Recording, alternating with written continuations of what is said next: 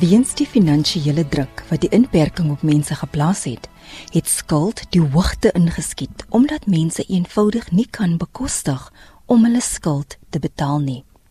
Die hele COVID-19 of die koronavirus pandemie is heel moontlik 'n eerste krisis waarmee baie van ons um, verbruikers daar buite en ons Suid-Afrikaners mee moes jy weet te werk gaan en dit vir die eerste keer in die gesig staar en soos jy noem ons werkloosheidssyfer is reeds so hoog en nou het hierdie gebeur en nou het dit nou nog bygedra vir sekere mense wat moontlike inkomste gehad het maar nou nie 'n inkomste het. So gesels Karla Oberholse, skuldadviseur en woordvoerder by DebtSafe in Pretoria.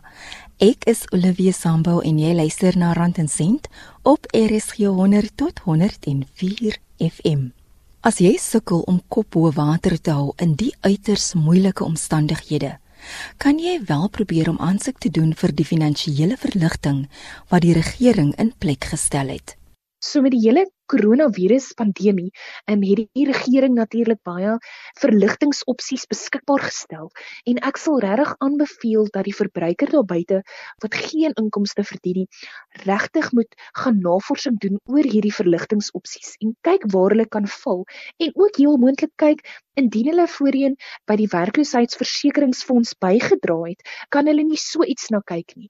Um, hulle praat van die sogenaamde TERS wat net 'n tydelike fonds is vir die mense om so inkomste te, te verdien. Maar my raad sal wees dat mense regtig kyk na wat is in jou midde, kyk wat se organisasies is daar veral rondom jou en wat jou kan ondersteun. Ek weet selfs mense wat net kospakkies wou gehad het. Kerke het ingegryp, die gemeenskap het ingegryp, um, nie regeringsorganisasies. Ek wil regtig mense aanmoedig, kyk wat is jou huidige behoeftes en jou naby behoeftes en wat het jy nodig en wat gaan jy doen? Wat is die nodige navorsing om te sien wat se projekte en wat se verligtingopsies daar buite is wat by jou prentjie gaan inpas? En natuurlik ons almal voel daardie emosionele impak en persoonlike impak, maar elkeen se situasie is tog uniek in hierdie tyd. Dis die eerste krisis wat mense op alle vlakke van die samelewing dwars oor die wêreld raak. Die eerste wenk wat ek net vir mense kan gee is wees realisties. Met dit bedoel ek jy kon nie hierdie verhoed nie. Hierdie was buite jou beheer.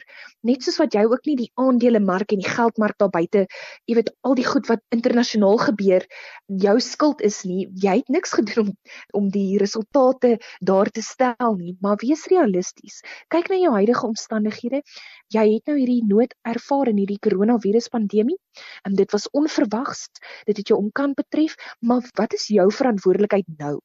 Wat is die stap wat jy kan neem om jou finansies byvoorbeeld nou uitgesorteer te kry van die bodem af tot by die lig en wat gaan jy doen voordat die volgende krisis weer op jou deur kom beland? Hierdie het nou gebeur, maar jy wil nie die volstrys wees nie, jy wil nie nou net jou kop in die grond indruk nie, maar eerstens moet jy bietjie realisties wees en net sê, hoorie, ek gaan nie so hard op myself wees nie, maar waar gaan ek uit die emosie uitklim en hoe gaan ek nou met hierdie situasie van my te werk, veral waar dit by finansies kom. Om by die buitengewone finansiële omstandighede aan te pas, gaan 'n nuwe denkwyse nodig wees. En dan Olivia wil ek ook sê mense moet meer gestruktureerd raak, veral wanneer dit by hulle finansiële planne kom. Ons moet begin beter dink oor wat gaan ek nou doen om nou 'n nuwe strategie of plan in plek te sit? So hoe gaan ek aksieplanne in plek sit om sê net maar my geld um, hulpbronne meer te maak of natuurlik om my skuld minder te maak. Jy moet kyk na jou unieke situasie en meer gestruktureerd wees. En natuurlik wil ek vir mense sê, moenie die volstrys wees nie, moenie jou kop in die grond druk nie. Wees proaktief met jou kommunikasie. Jou dinge gaan nie nou net verdwyn nie, maar as jy met jou finansiële adviseur moet praat of met jou krediteur moet praat, sê net maar jy weet finansies is nou 'n druppel in die emmer van die probleme wat jy dalk nou ervaar, maar dit is 'n groot ding om aan te spreek. Jy moet proaktief wees dan met jou kommunikasie in hierdie proses. En dan moet jy kyk, jy weet, hoe gaan ek sê net om my skuldpot uitklim? Die krisis het baie mense wat skielik nou sonder inkomste was, aangespoor om innoverend te dink. Want om te oorleef, is ons almal nou genoodsaak om die lewe op 'n ander manier aan te pak. Dit klink nou eintlik verskriklik iets wat positief uit hierdie pandemie krisis uitgekom het, is die mense se kreatiwiteit wat na vore gekom het. Mense het in die gemeenskappe en plaaslike mense het het maskers begin maak. Mense het aanlyn klasse begin aanbied. Ja, dit werk dalk nie nou vrugte af nou in die onmiddellike omgewing nie, maar dalk vir jou toekoms. En ons werkloosheidssyfers soos wat ons genoem het, is aansienlik hoog. Hoog. So, hoe gaan ons dit doen? Hoe gaan ons dit beter maak vir onsself deur innoverend en kreatief te wees? So, ek dink mense moet begin uit die boks uit dink en kyk, okay, hoe gaan ek my inkomste meer maak in hierdie tyd of hoe gaan ek sê net maar my skuld verminder of my kostes, my algehele lewenskostes verminder in hierdie tyd. En hulle kan werk met goed wat hulle onmiddellik in hulle omgewing het. Byvoorbeeld, ek ry nie nou so baie rond nie, so wat gaan ek doen met daai ekstra kostes wat ek dan nou op petrol bespaar? En, en hoe gaan ek daarmee te werk gaan? En dan ook 'n laaste wenk wat ek graag vir mense net wil sê is Olivia, is mense moet aanpasbaar wees hulle moet ook wees vir finansiële kundigheid om om dit op te knap en te weet wat is die opsies daar buite wat ek het wat is die kanale wat ek kan meer gebruik om my omstandighede waarin ek myself tans bevind beter te maak dan in die toekoms en in die geval dan wanneer dit by finansies kom is dit ook klein gedragspatrone wat mense moet verander veral omdat Suid-Afrikaners hulle dan nou ook bevind in die winterseisoen of in die wintertydperk. Ehm um, hoekom moet ek 3 keer die skottelgoedwasser of die wasmasjien gebruik in die week wat van een bondel 'n week in plaas van 3 of 4 keer. So mense moet in daai klein opknappings of ehm um, gedragspatrone wat hulle doen, moet hulle beginne hulle denkwyse verander en dan so aanpasbaar wees om aan te pas om natuurlik hulle situasie beter te maak. 'n Nuwe denkwyse gaan nie oornag geskied nie, maar dit sal vrugte afwerp op die lange duur. Ewe die kundiges daar buite sê dit vat 21 dae vir jou om net 'n gewoonte te verander en ek dink jy weet as ek nou dit mag sê jy moet train jou brein. jy moet jou denke vernuwe en jy moet begin 'n nuwe ingesteldheid hê. Het sy dit by jou emosionele positiwiteit is wat jy graag wil opbou of dit dan nou jou finansies is of dit dan nou gedragspatrone in jou huisgesin is wat jy wil inkorporeer by hierdie grendeltydperk waarin almal hulle self nou bevind. Dit hang af van jou, jy weet wat is jou behoeftes. Ek wil net vra dat mense regtig moet begin oopkop dink en ons moenie net kyk na iemand anders se posisie en sê nee maar jy weet ons gaan nooit daar kom nie. Neem jou eie posisie kyk wat kan jy doen en werk ook met die onmiddellike hulpbronne wat jy tot jou beskikking het. En leer ook by jou eie mense. Jy weet, hulle is dalk nou nie in jou midde nie en hulle is dalk 'n foonoproep weg, maar ek weet en ek is seker, jy weet die Suid-Afrikaners is daar om mekaar te ondersteun en jy het 'n familielid en 'n vriend wat vir jou raad kan in jou kop inpraat en jou help in hierdie tyd om dan net ook net selfs positief te begin raak en dan van daar af aanpasbaar te wees met die klein goedjies al gebeur dit dan nou nie in een dag nie maar in toekoms en dan net om jou visie dan te versterk om uit hierdie situasie uit eendag te kom. En nie net veral vir die krisis waarin jy jouself tans bevind nie maar daai raad en daardie ondersteuning wat jy nou kan gebruik dit stel jou dalk in staat om in die toekoms daardie rol te vervul vir iemand anders as soos wat die Engelsman sê daai paid forward effek dan te veroorsaak en ook 'n positiewe invloed vir ander mense te wees en om ander mense te help en sê weet jy ek was ook daar en kom ek help jou om uit hierdie nood uit te kom of hoe om beter jou finansies te bestuur om 'n noodfonds te hê om so tipe krisisse net maar te vermy in die toekoms. Maar ek dink 'n stap vir stap en ehm, 'n um, dag op sy tyd is goed. En mense moet regtig geduld hê met hulle self, maar hulle moet die visie hê om te kan sien waarheen hulle op pad is. En hulle moet ook hulle huisgesinne inkoop om te weet hulle is nie alleen nie. Ons almal is saam in hierdie ding en ons moet saam hande neem en saam hande vat om deur hierdie krisistydperk te kom en mekaar dan te ondersteun, nie net vir nou nie, maar ook sê net maar vir 'n toekomstige krisis dat ons nie weer omkant gevang word nie. Jy het geluister na Karla Oberholse van DebtSafe. Ek is Olivia Sambo en dis Rand en Sent. Is 100 tot 104 FM. Stuur gerus 'n WhatsApp teks of stemboodskap na 076 536 6961. Luister ook saam op die DSTV kanaal 813 en onthou jy kan ook die program aflaai deur die potgooi skakel te volg by www.rsg.co.za. Jy kan ook 'n e-pos stuur na randencent.rsg@gmail.com. 'n Voorsorgfonds is daar gestel om voorsiening te maak vir werkers wanneer hulle die dag aftree.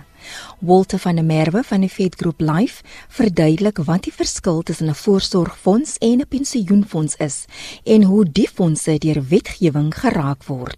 Die verskil in bydraes vir 'n pensioenfonds en 'n voorsorgfonds is verander deur wetgewing, maar dit is nou weer uitgestel. So daar was baie geskryf en gepraat oor dit.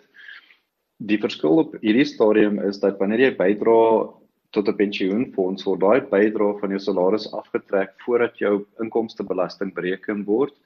Waar as jy aan 'n voorsorgfonds bydra, word die bydrae gedoen nadat die belasting afgetrek is van jou salaris. Die wetgewing was uitgestel omdat dit kom by die die lompsom bedrag dan aan die einde wanneer jy aftree. Vir 'n voorsorgfonds op hierdie stadium kan jy die volle bedrag vat en dan is dit nie belasbaar nie. En die intensie was om daai lompsom bedrag te beskerm deur dit in 'n anniteit in te sit sodat jy 'n maandelikse inkomste kry en nie die volle bedrag spandeer nie. Maar daar's tyd nodig om daai veranderinge in te bring en die die besparings wat mense gemaak het in 'n voorsorgfonds, die reëls vir daai besparing is nog steeds van toepassing.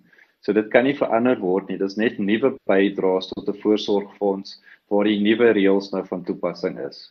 Weens inperking kon sommige werkers en werkgewers nie 'n bydrae tot die fonds maak nie.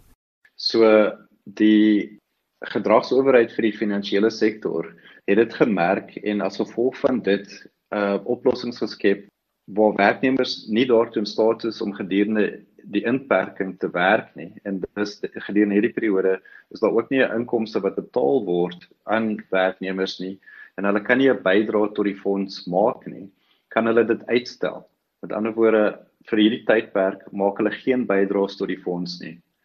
Daar's ook 'n moontlikheid waar hulle net 'n uh, gedeelte van hulle salaris kry dan betaal hulle 'n laer bedrag tot die fonds toe om seker te maak dat hulle dan eerder 'n inkomste het om huis toe te vat, maar in dieselfde tyd dan nog steeds 'n klein bydrae maak tot hulle aftreebesparing. Die huidige wetgewing het nie voorsiening gemaak vir hierdie inperking nie. Daar is 'n gedeelte van die pensioenfondswet wat afdeling 13A is wat sê 'n werknemer moet bydraes betaal wat hulle afgetrek het van hulle werknemer se salarisse by die 7de dag van die volgende maand waarvoor dit afgetrek is. So op hierdie stadium kan sekere werknemers nie by daai wetgewing hou nie want daar is nie bydraes wat hulle kan aftrek nie want hulle betaal nie salarisse nie. So nou word die reëls van die fondse verander om voorsiening te maak vir dit vir 'n tydelike afwesigheid van werk met of sonder betaling. Met ander woorde, daar word dan nie bydraes gemaak nie en die fonds verwag dan ook nie bydraes met inkom nie, want daar's nie salarisse wat betaal word nie. In die toekoms dan wanneer die werknemer weer in staat is om salarisse te betaal, dan sal hulle die bydraes hervat en die bydraes sal dan weer normaalweg betaal word sodat soos wat dit was voor COVID-19. Maar dis slegs 'n tydelike verligting en die tekort sal op een of ander manier aangevul moet word deur beide die werker en die werkgewer. Ons is almal saam in die situasie waar ons nou is. So die die werkgewer se verantwoordelikheid is om seker te maak dat daai maatskappy in die besigheid bly om geld te verdien sodat hulle salarisse wel kan betaal. Aan die ander kant, ons as werknemers wil ons salarisse verdien sodat ons kan leef en ons wil ook van daai geld gebruik om by te dra tot ons aftrede. So in hierdie situasie werk ons saam sodat daar 'n tydelike tydperk is waar die werkgewer en die werknemer nie bydraes maak nie, maar in die toekoms sal ons soos jy sê daai gat moet vul en dan sal ons addisioneel moet spaar van albei kante af vir ons aftrede om seker te maak dat ons weer daai gat kan toestop. Ek wil weet of genoeg gedoen word om finansiële geletterdheid by werkers te bevorder en of hulle voorberei word vir die dag van aftrede. Die veranderinge wat wel gebeur in ons land om seker te maak dat ons verantwoordelikheid neem vir dit wat belangrik is vir ons. Ek glo tog dat daar baie veranderinge wel gemaak is alreeds in daai rigting. Daar's nog meer wat moet kom. So werkgewers wat die koste dra vir die salarisse wat hulle betaal vir werknemers en dan ook die bydrae aan die voorsorgfondse het groot veranderinge gemaak om beter te kommunikeer en beter inligting te gee aan die werknemers Dieselfde tyd is daar finansiële adviseurs vir die fonds by die maatskappy wat seker maak dat werknemers wel verstaan dit wat in plek gestel is vir hulle. En ons is ook in 'n in 'n voordelige posisie wat ons meer inligting kan kry. Met al die tegnologie wat daar is, stel dit ons in staat om meer te lees en self uit te vind en selfs na radioprogramme te luister om meer inligting in te kry om, om beter te verstaan dit wat in plek gestel is vir ons. Ek glo dat dit net sal verander is ons as Suid-Afrikaners meer verantwoordelikheid vat vir dit wat ons inne is en nie net kyk na ons regering of mense buite ons ons werkgewers om voorsiening te maak vir ons nie. So daar is veranderinge wat deurkom en ek glo ook met die nuwe generasies is hulle denkwyse baie anders in terme van dit wat hulle vir hulle self wil bereik en die voorsiening wat hulle wil maak vir hulle self. Daar is 'n groot positief en daar is lig aan die einde van die tonnel soos wat hulle sê. Ten spyte daarvan dat mense wel 'n pensioenfonds of 'n voorsorgfonds het, is hulle steeds nie voldoende voorberei vir hulle ou dag nie. Dit is 'n baie moeilike manier om om mense te laat besef dat eendag gaan hulle oud wees en in hulle ou dag wil hulle nie staat maak op ander mense om vir hulle te voorsien nie. Ek dink dit dit is een van die ergste dinge moontlik om in daai situasie te wees waar jy jou hele lewe lank gewerk het en jy nou aftree, maar jy het nie 'n inkomste om voorsiening te maak vir jouself nie. So 'n eenvoudige formule wat 'n mens kan gebruik om uit te werk wat die lomsom bedrag is wat jy nodig het, is as jy jou maandelikse uitgawes vat wat jy elke maand moet spandeer, jy maal dit met 12 sodat jy die volle koste het vir 1 jaar en jy maal dit dan weer met 10. Dan kry jy 'n idee van die lomsom bedrag wat jy moet spaar net om by aftrede te kom om vir 10 jaar voorsiening te maak vir jou uitgawes.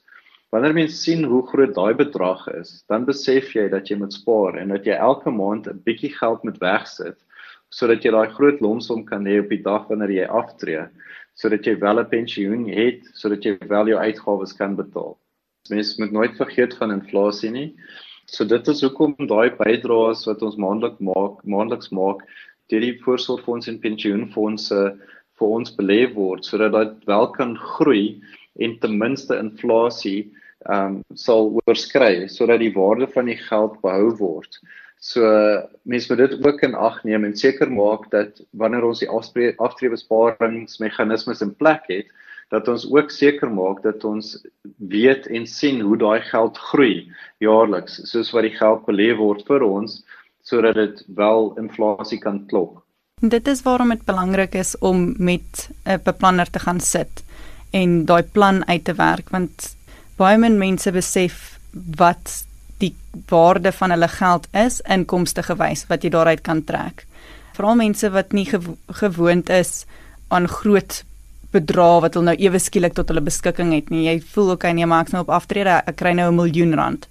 En dan klink hierdie miljoen rand nou vir jou vir soos verskriklik baie geld maar jy besef nie hoeveel inkomste jy daaruit kan trek vir die periode waaruit jy nou nog moet beplan nie want kom ons sê jy tree af op 65 dan het jy nog 20 25 30 jaar termyn waarna jy moet kyk om vir jou 'n volhoubare inkomste daaruit te kan trek en dan wanneer jy begin sit en dink okay hierdie bedrag geld wat ek nou het dit moet so bestuur word sodat dit nie uitgeput word vir daai termyn nie en dan ewe skielik besef jy okay, maar dis dalk nie so baie geld nie.